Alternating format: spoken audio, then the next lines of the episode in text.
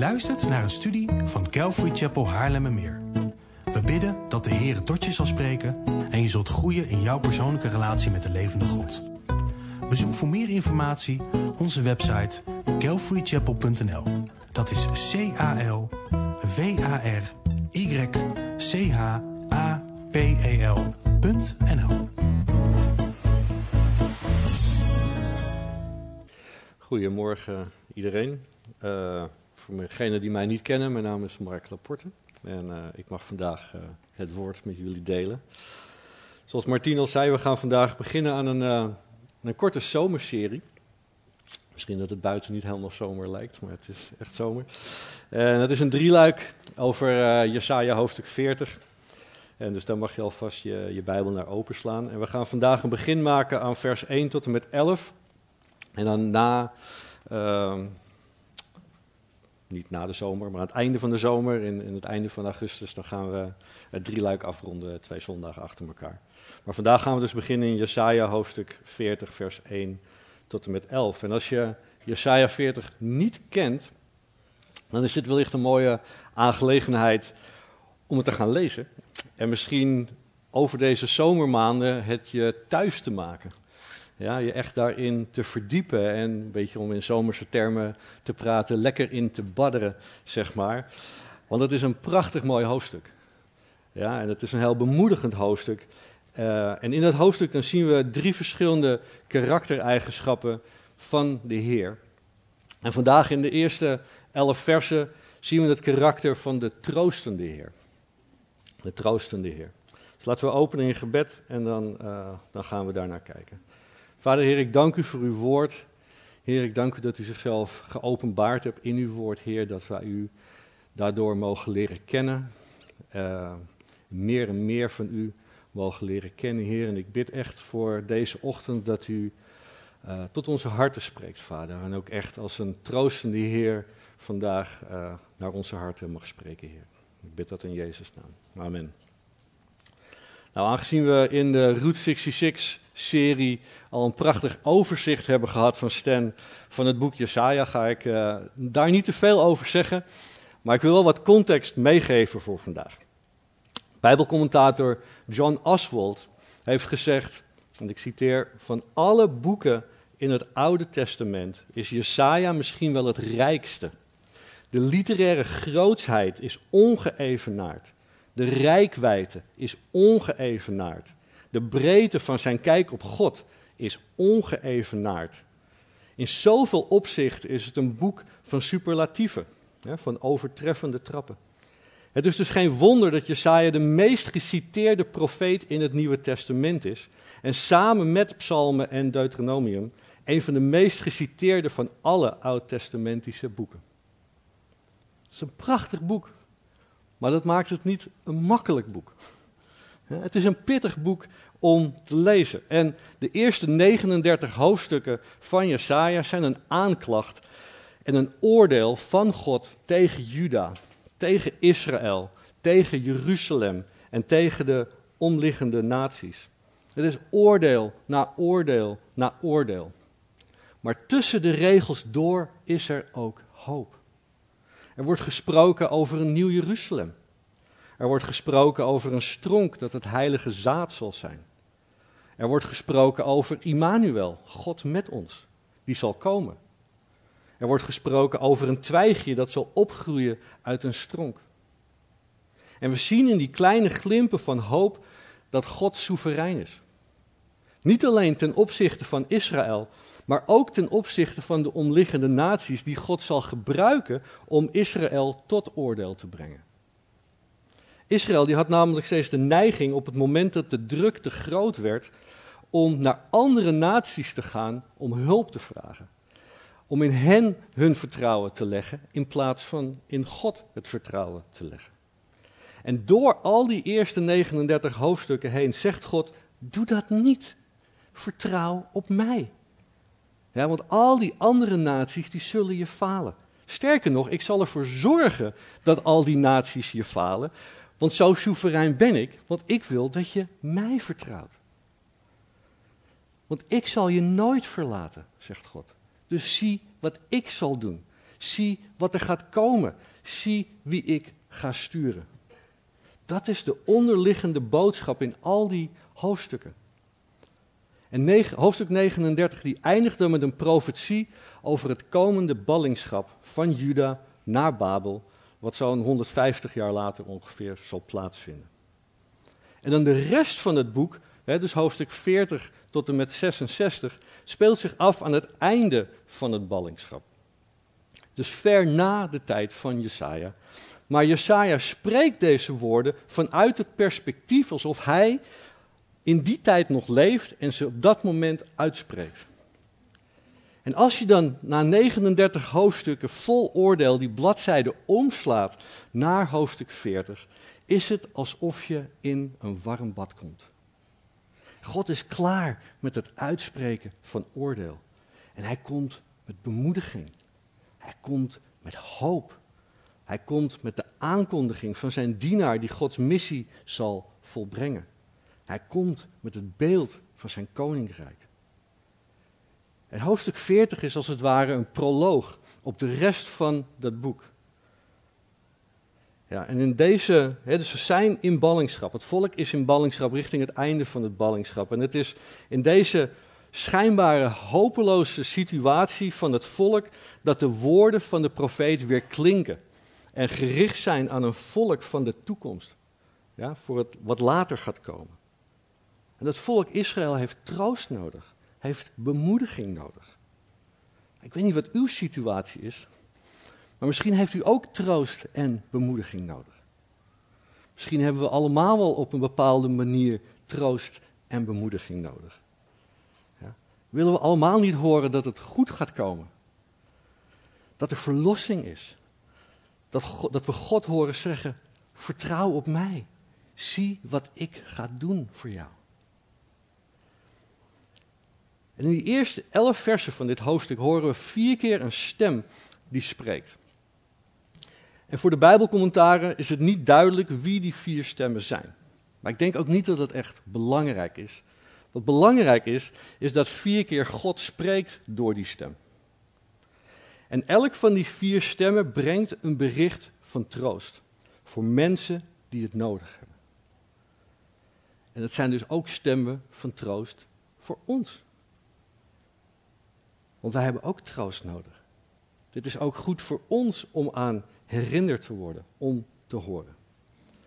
Dus we kijken met jullie naar de tekst in de situatie van toen en dan ook kijken hoe de tekst tot ons vandaag spreekt. Dus laten we lezen naar de eerste stem in vers 1 en 2. En dat is Gods, ik heb het genoemd, Gods stem van vergeving. Dus lees met mij vers 1 en 2.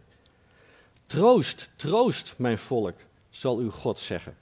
Spreek naar het hart van Jeruzalem en roep haar toe dat haar strijd vervuld is, dat haar ongerechtigheid verzoend is en dat zij uit de hand van de Heere het dubbele ontvangen heeft voor al haar zonden. God spreekt troost aan een volk in ballingschap, denkende dat God hen heeft verlaten. Dus ze hadden woorden van troost nodig. Ze moesten horen dat Gods uiteindelijke doel met hen niet verwoesting was, maar juist verlossing. Niet dood, maar juist leven.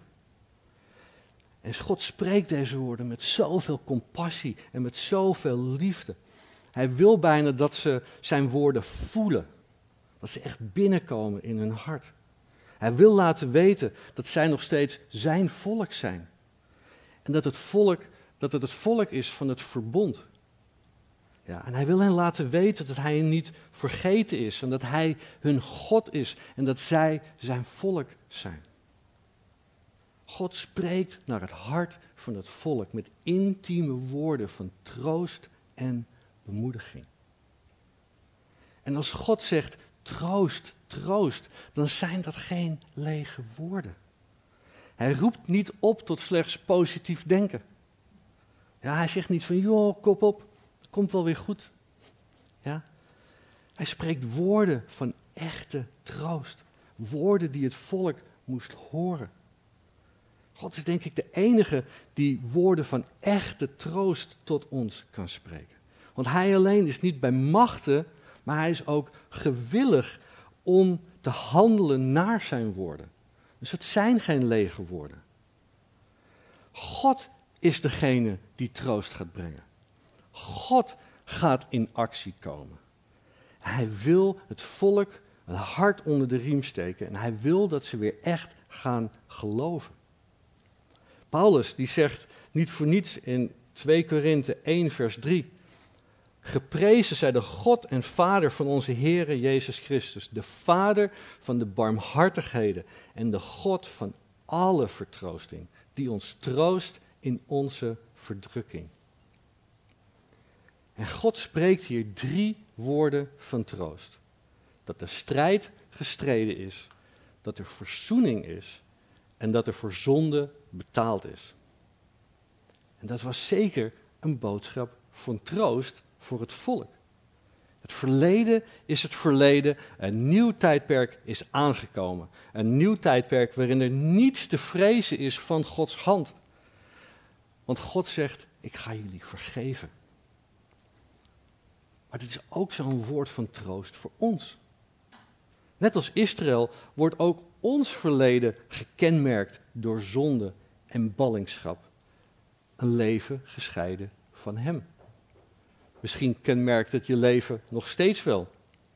Hardnekkige zonde, terugkerende zonde, fouten of verkeerde keuzes, slechte patronen. We kunnen ons zo bewust zijn van wat er niet goed is in ons leven. En zo verwikkeld zijn in die strijd. En dat houdt ons af van Hem. Van Zijn gemeenschap, van gemeenschap hebben met Hem. Maar als je in Christus bent, dan is de strijd gestreden. In 1 Johannes 5, vers 4 en 5 zegt Johannes: Want al wat uit God geboren is, overwint de wereld. En dit is de overwinning die de wereld overwonnen heeft: ons geloof. Wie anders is het die de wereld overwint dan hij die gelooft dat Jezus de Zoon van God is? De strijd is al gestreden. Als je in Christus bent, dan is er verzoening met God. 2 Korinthe 5, vers 17.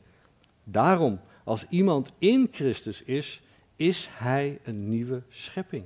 Het oude is voorbij gegaan en zie, alles is nieuw geworden. En dit alles is uit God, die ons met zichzelf verzoend heeft door Jezus Christus.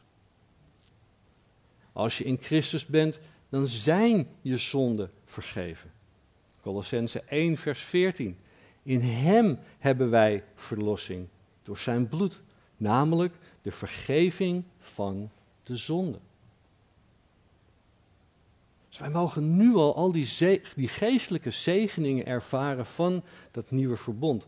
Maar er zal ook een tijd komen dat voor zowel Israël als voor ons daadwerkelijk de strijd gestreden is. En dat alle zegeningen van zijn vergeving, dat we die allemaal mogen ontvangen. Dus hoor hier de stem van God tegen je zeggen: Ik heb je vergeven. De prijs voor je zonde is betaald. De strijd is gewonnen. Wat er ook gebeurd is, er is geen zonde te groot voor God.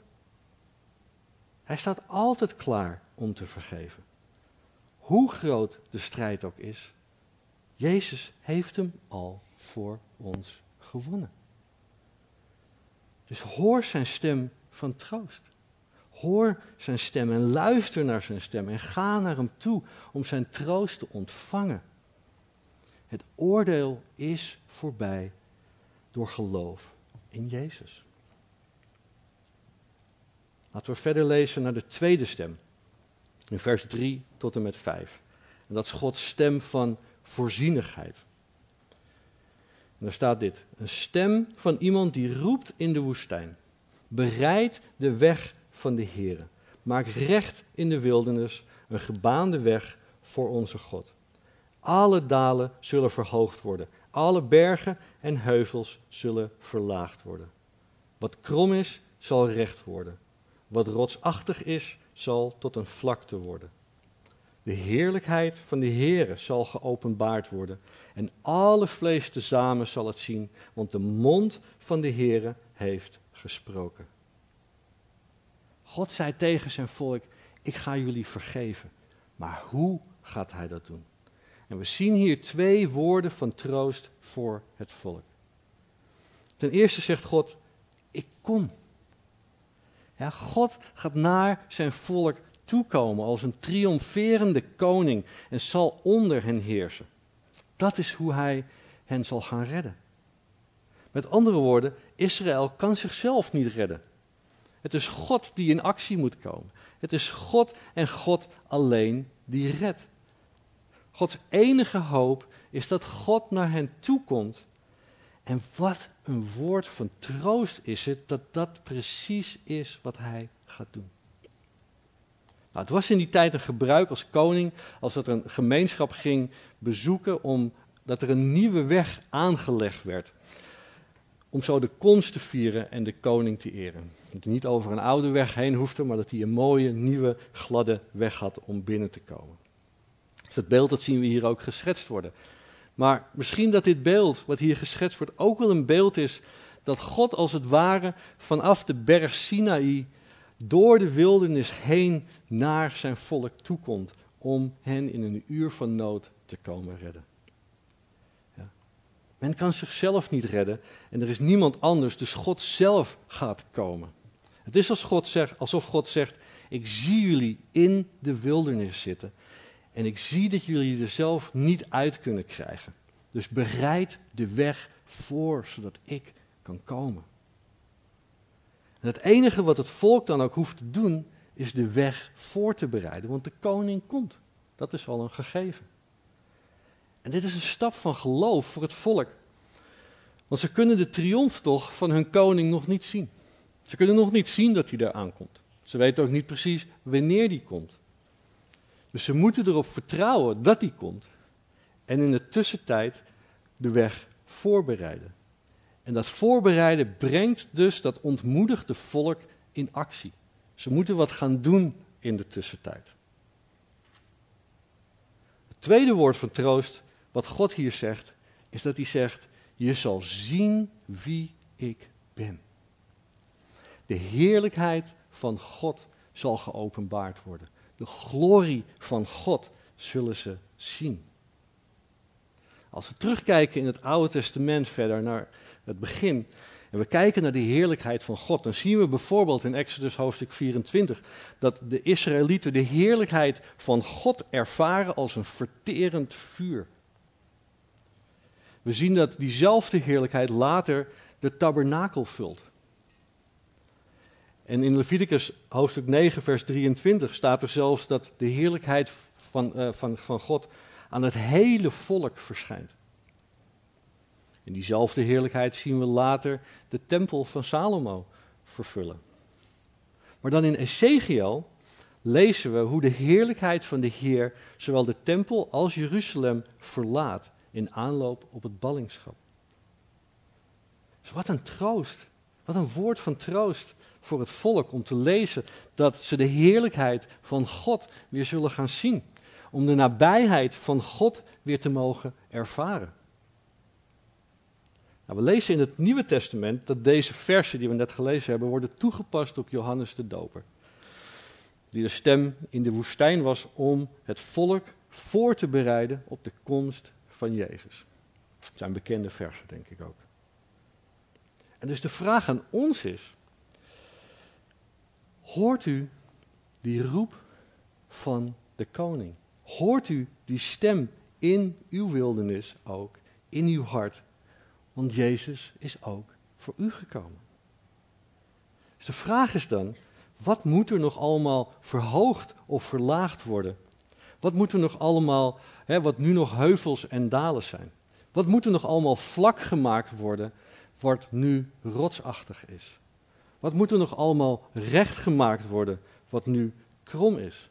Zodat de triomferende koning kan komen voor u zodat, zijn heerlijk, dat hij zijn heerlijkheid kan openbaren aan ons. Zodat hij als koning en als heer kan plaatsnemen op de troon van jouw hart. Wat moet daar nog voor gebeuren? Zodat je hem kan ontvangen. Want dat is wat God vraagt als voorbereiding voor ons hier. Om de weg voor te bereiden voor zijn komst. Dus laat deze woorden van troost ook voor jou zijn. De Heer wil komen en regeren. Hij is voor je. Maar wat houdt jou tegen daarin? De schrijver van Hebreeënbrief zegt dat Jezus de afstraling van Gods heerlijkheid is. En Paulus zegt in 2 Korinthe 4, vers 6, want God die heeft gezegd dat het licht uit de duisternis zou schijnen, is ook degene die in onze harten geschenen heeft tot verlichting met de kennis van de heerlijkheid van God in het aangezicht van Jezus Christus. Met andere woorden, God doet zijn licht in ons hart schijnen. En wat we zien door dat licht is het gezicht van Jezus. En in het zien van het gezicht van Jezus zien we de heerlijkheid van God. Dus geef gehoor aan die stem die roept en die de weg voor de Heer voorbereidt. En neem kennis van de heerlijkheid van God. Zie, nu is de tijd van het welbehagen. Zie, nu is de dag van het heil, zegt Paulus. Er zal een tijd komen, inderdaad, dat alle vlees tezamen de heerlijkheid van de Heer zal zien. Er zal een dag komen dat de hele wereld zal zien wie God is. En dat Hij inderdaad God is. En Hij alleen. De dag waarop God zegt: Ik ben de Heere en niemand anders. Buiten mij is er geen God. Er zal een dag komen dat elke knie zal buigen en elke tong zal beleiden dat Jezus Christus de Heer is. Dus buig de knie nu. Buig de knie nu. Beleid Hem nu. Dat is de voorbereiding die God van ons verwacht in aanloop tot Zijn komst.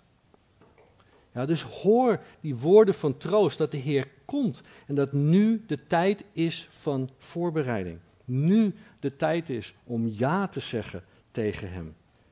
Zijn komst is namelijk op handen, dus wacht niet tot morgen. De derde stem, in vers 6 tot 8, is Gods stem van belofte. En daar staat dit. Een stem zegt, roep. En hij zegt, wat moet ik roepen? Alle vlees is gras en al zijn goedertierenheid als een bloem op het veld. Het gras verdort, de bloem valt af, als de geest van de Heere erover blaast. Voorwaar, het volk is gras. Het gras verdort, de bloem valt af, maar het woord van onze Heer bestaat voor eeuwig. Nou, zie hier het contrast met die vorige stem. Ja, waar we in de vorige stem de onstopbare realiteit van God konden zien. God gaat komen, daar is niks dat wij daaraan kunnen doen. Verschuift het beeld nu van God naar de mens. En dat verschil is enorm. Het verschil is van eeuwigheid naar tijdelijkheid. Van almacht naar machteloosheid. Van betekenis naar onbeduidendheid. Ja. Want de mens is niet in staat zichzelf te redden, noch te verhinderen dat God komt om te redden. En zijn besluit daarin. Dus hoe nietig is de mens in contrast tot God? Psalm 144, vers 3 zegt dit. Heere, wat is de mens dat u, hem, dat u hem kent? De sterfeling dat u aan hem denkt. De mens lijkt op een zucht. Zijn dagen zijn als een voorbijgaande schaduw. Ja, in verhouding tot de eeuwigheid waarin God zich verkeert, is de tijd op aarde zo kort. Als we kijken naar de hele wereldgeschiedenis, is dat wat? 6000 jaar, 10.000 jaar, zoiets? Wat is een mensenleven? 80 jaar, 100 jaar misschien? Wat is dat op de eeuwigheid? Het is een zucht. Het is een nevel. Het is een moment En dan is het voorbij. Dus waar Israël ook doorheen gaat, het is van korte duur. Ballingschap, 70 jaar. Dat ze overmeesterd worden door natie op natie op natie. Waar is het Assyrische Rijk? Waar is het Babylonische Rijk? Waar is het Persische Rijk nu? Allemaal voorbij. We zijn als gras, staat er. Dus alle mensen die Gods plan proberen te dwarsbomen, zijn ook als gras. Gaat ook voorbij. En we zien in dat, dat, dat fragiele beeld van de mens het contrast met die complete standvastigheid en betrouwbaarheid van Gods woord. En dus van God. De Heer is niet tijdelijk, maar eeuwig. Zijn woord is niet tijdelijk, maar eeuwig. Zijn beloftes zijn niet tijdelijk, maar eeuwig. En dat is precies hoe het hoort te zijn. Wij heel nietig, hij heel groot. Ja, dat contrast tussen ons en hem moet zo groot mogelijk zijn. Wat wij nodig hebben is een God die zo groot mogelijk is. Kan niet groot genoeg zijn. Want hij is een niet te stoppen realiteit. Niets houdt hem tegen en zijn woord staat vast. Dus zie ook de troost die je hierin kunt vinden. Niemand is namelijk gevrijwaard van pijn en lijden in dit leven. Dus de vraag is niet zozeer of het gaat komen, maar wanneer het gaat komen. Ja, wat er dus ook in je leven gespeeld heeft, of momenteel speelt, of nog gaat spelen, hoor de stem van God die tegen je zegt: Het is maar van korte duur. Het lijkt lang vanuit ons perspectief, maar het is kort. Het is tijdelijk. Het is maar 80 jaar. Dat lijkt misschien makkelijk gezegd. Dat is misschien ook wel zo vanuit ons perspectief. Maar luister naar wat Petrus zegt in zijn brief in 1 hoofdstuk, 5, eh, hoofdstuk 1 vers 5. Hij zegt, u wordt immers door de kracht van God bewaakt door het geloof tot zaligheid, die gereed ligt om geopenbaard te worden in de laatste tijd. Top. Daarin verheugt u zich. Ook al wordt u nu voor een korte tijd, als het nodig is, beproefd door allerlei verzoekingen. De korte tijd, ons leven. Beproefd door allerlei verzoekingen, opdat de beproeving van uw geloof, die van groter waarde is dan die van goud, dat vergaat en door het vuur beproefd wordt, mag blijken te zijn tot lof en eer en heerlijkheid bij de openbaring van Jezus Christus. Hoor die stem van God die zegt, nog eventjes en dan ben je bij me. Het is een zucht. Het is een nevel. Het is niks. Het is zo voorbij. Daarnaast is er troost te vinden in het onomstotelijke feit dat Gods woord voor eeuwig is. Dat betekent dus dat we mogen bouwen en vertrouwen op zijn woord. Dat we mogen bouwen en vertrouwen op zijn belofte. Psalm 119, vers 89 zegt: Voor eeuwig, Heere, staat uw woord vast in de hemel. Dus leun op zijn woord.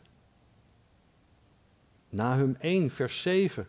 De Heer is goed, meer dan een houvast op de dag van de nood. Hij kent degene die bij hem hun toevlucht zoeken. Ja. Meer dan een houvast is hij. Psalm 91, vers 15. Roep je mij aan, ik geef antwoord. In de nood zal ik bij je zijn. Je bevrijden en met roem overladen. Je overvloed geven van dagen. Ik zal je redding zijn. Dat zijn woorden van troost. Dat zijn zijn beloftes in zijn eeuwige woord die voor ons gelden.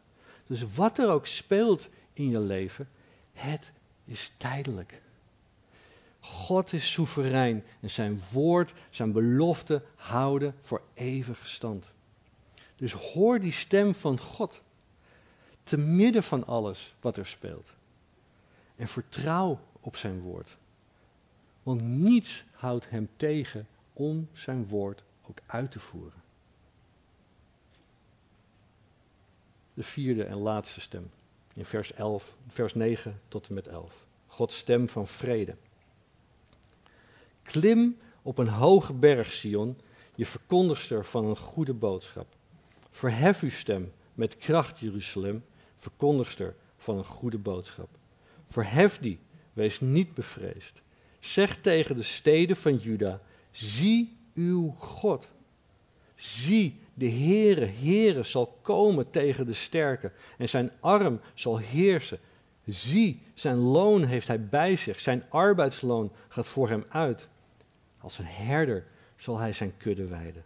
Hij zal de lammetjes in zijn armen bijeenbrengen en in zijn schoot dragen. De zogende zal hij zachtjes leiden. God zou Israël gaan redden door naar Jeruzalem te komen als heerser en als herder. En niets zou hem daarin tegenhouden. En dit schetst het beeld dat hij er is.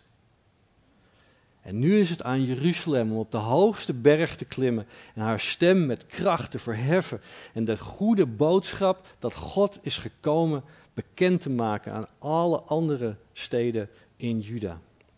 En die boodschap is: zie uw God. Zie hem aan. Zie zijn glorie. Zie zijn heerlijkheid. En dat is uiteindelijk het beeld wat Jesaja hier schetst. God die bij zijn volk zal wonen en zal heersen met een sterke arm en zal wijden met een zachte arm en zal komen met macht en met mededogen. En we zien dit dan deels in vervulling gaan bij de eerste komst van Jezus. Als hij komt met mededogen als goede herder. Om zijn leven voor de schapen te geven en neer te leggen. En hij komt naar Jeruzalem. Maar als hij de stad binnenkomt, dan weent hij voor haar. Omdat Israël niet de dag erkende dat dit de dag is dat de Messias zou komen. Zoals gesproken werd in de profeet Daniel. Dus pas bij zijn wederkomst zal hij komen met macht als een heerser. Zoals we kunnen lezen in Zacharia 14. Dus dit zijn woorden van troost voor het volk. De bevestiging dat God daadwerkelijk zal komen, zoals hij ook gezegd heeft. En als hij komt, dan komt hij met vrede. Maar dit zijn dus ook woorden van troost voor ons.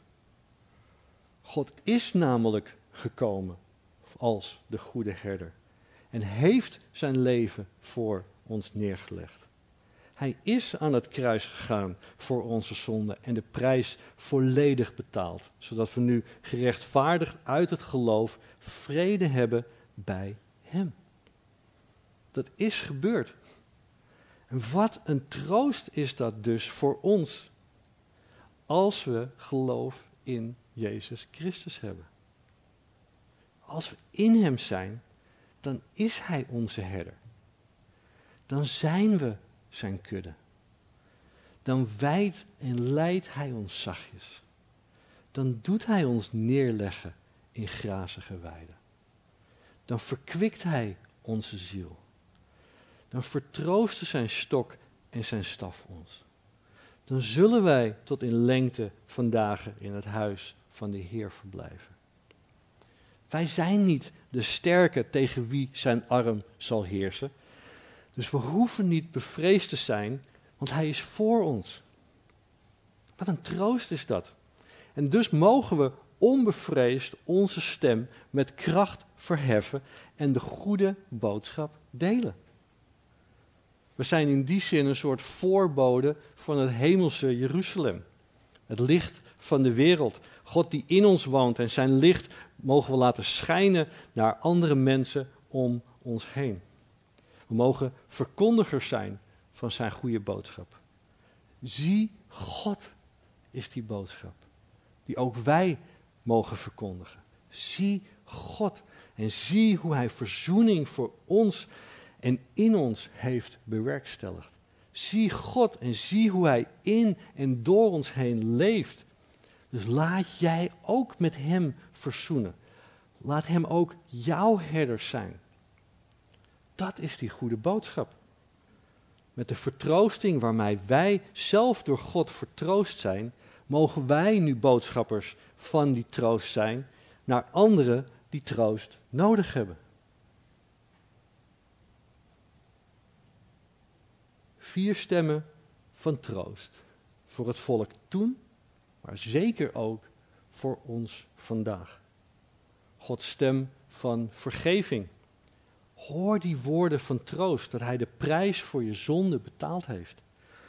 Dat Hij de strijd al gewonnen heeft en dat Hij klaar staat om te vergeven. Altijd weer. Hoor die stem van voorzienigheid.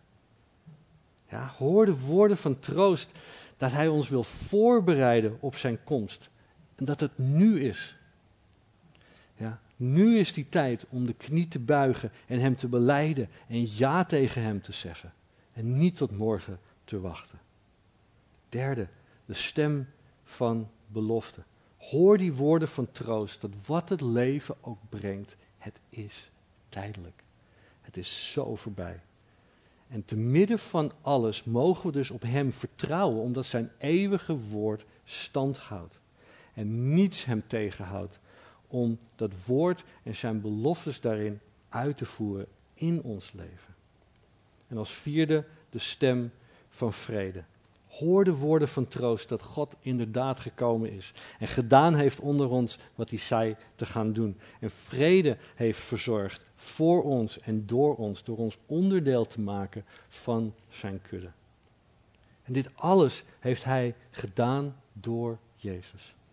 God is gekomen in de persoon van Jezus. Om een beeld te zijn van de onzichtbare God. Om een trooster te zijn te midden van ons. Door te doen voor ons wat wij zelf nooit konden doen. Een leven te leiden wat wij hadden moeten leiden. Een dood te ondergaan die wij hadden moeten sterven. Om ons terug te brengen bij God. Verzoend te zijn met Hem. Vrede te hebben met Hem. Nieuw leven te hebben in Hem. Hoor die stem die zegt, zie uw God. God zegt, kijk naar mij. Aanschouw mij. Hoor die stem die zegt, ik ben gekomen. Ik heb overwonnen. Hoor die stem die zegt, ik ben bij je. Dus hou vol, het komt goed. Hoor die stem die zegt, ik zal komen en overheersen en heersen. Vrede is onderweg. En God spreekt als een vader, zo teder en vol liefde, die woorden van troost, troost. Voor een ieder die in Christus is. En hij nodigt een ieder uit om tot Christus te komen. Als een herder wil hij ons troosten. Hij wil ons bemoedigen. Hij wil ons verkwikken. Hij wil ons steunen. Hij wil onze Heer zijn. Hij wil onze vrede zijn. Hij wil onze overwinnaar zijn. Dus hoor die stem. Luister naar die stem. Laten we bidden. Vader, ik dank u voor uw woord, Heer. Ik dank u dat u onze trooster bent. Heer, dat u bent gekomen voor ons. Dat u bent gekomen in de persoon van Jezus Christus, Heer. En dat u op aarde hier heeft geleefd voor ons. Het leven wat wij niet hadden kunnen leiden, Heer. En dat u voor ons aan het kruis bent gegaan. Dat u voor ons weer bent opgestaan, Heer. En daardoor ons nieuw leven heeft kunnen geven in u. Vader, dat wij nu het leven kunnen leiden wat u van ons verwacht, Vader. Heer, ik dank u dat u ons troost. Dat uw woord vol staat met woorden van troost. Dat uw woord vol staat met woorden die ons bemoedigen in onze strijd. Vader, ik dank u dat u bij ons bent, Heer. Dat u in ons woont, dat u door ons heen werkt. Dat u constant ons wil helpen, ons naar uzelf toetrekt, Heer. Heer, help ons in onze strijd. Heer, uw woord zegt dat we een zucht zijn, dat we een nevel zijn hier, maar vanuit ons perspectief is het leven nog steeds lang. Heer, help ons om vanuit uw perspectief naar het leven te kijken, Heer. Om vanuit uw perspectief te kijken en zegt, het is zo voorbij hier. En dan ben je bij mij. Heer, dus hou vol. Heer, bid, help ons om vol te houden. Door wat u zegt, door uw belofte. Vader, ik bid dat u ons helpt om ook woorden van troost naar anderen te mogen spreken, Heer. Net als wat er door Jesaja gezegd, uh, gezegd wordt, op de berg te staan en de vertolker en verkondiger te mogen zijn van uw goede boodschap, Heer. Dat ons leven een getuigenis is van zie hier uw God. Zie hier uw God, Vader. Laat uw heerlijkheid in ons meer en meer zijn elke dag, Vader. Heer, ik bid dat we mogen opstaan in de ochtend en ons mogen uitstrekken naar U. Dat U ons een verlangen geeft in ons hart om Uw heerlijkheid te zien, om die ochtends op te zoeken, Vader. Om niet de dag te willen beginnen zonder dat we U in Uw gezicht hebben gekeken, Vader. En weten dat het goed is. Weten dat U bij ons bent. Dat U ons bijstaat. Heer, help ons daarin. Verander ons hart. Geef ons een verlangen, Heer, voor dat. Heer, geef ons een verlangen voor de verlorenen. Heer, om ons heen. Laten wij een vertroosting zijn voor hen om ons heen, Heer. Zoals U als Vader een vertrooster, een trooster bent, Heer. zoals Jezus een trooster is. En als de Heilige Geest een trooster is. Vader, bid ik dat wij ook een trooster mogen zijn in de mensen in ons leven, Vader. Dat we uw troost mogen doorgeven. Dat we uw overwinningen die we behaald hebben in u en door u ook mogen delen met anderen die overwinning nodig hebben. Die snakken naar overwinning, Vader. Help ons daarin. Heer, laat het in ons zijn, Heer, dat we u zo groot mogelijk zien. Heer, alsof we door een telescoop kijken en gewoon uw beeld alleen maar groter wordt naar ons, Heer. Doe dat in ons leven. Laat ons geen genoegen nemen met een kleine God, Heer. Want u bent niet klein. Laten we geen genoegen daarmee meden, maar doorbidden en het echt van u afdwingen wat dat betreft. Dat we u echt gaan zien voor wie u bent. Zo groot mogelijk. Heer, doe dat in ons leven, Vader. Help ons erin. Help ons om dit hoofdstuk te zien en deze versen te lezen en ook echt troost te mogen ontvangen van u, Vader. Laat dit woorden van troost zijn in ons hart, in ons leven momenteel. Ik bid dat in Jezus' naam. Amen.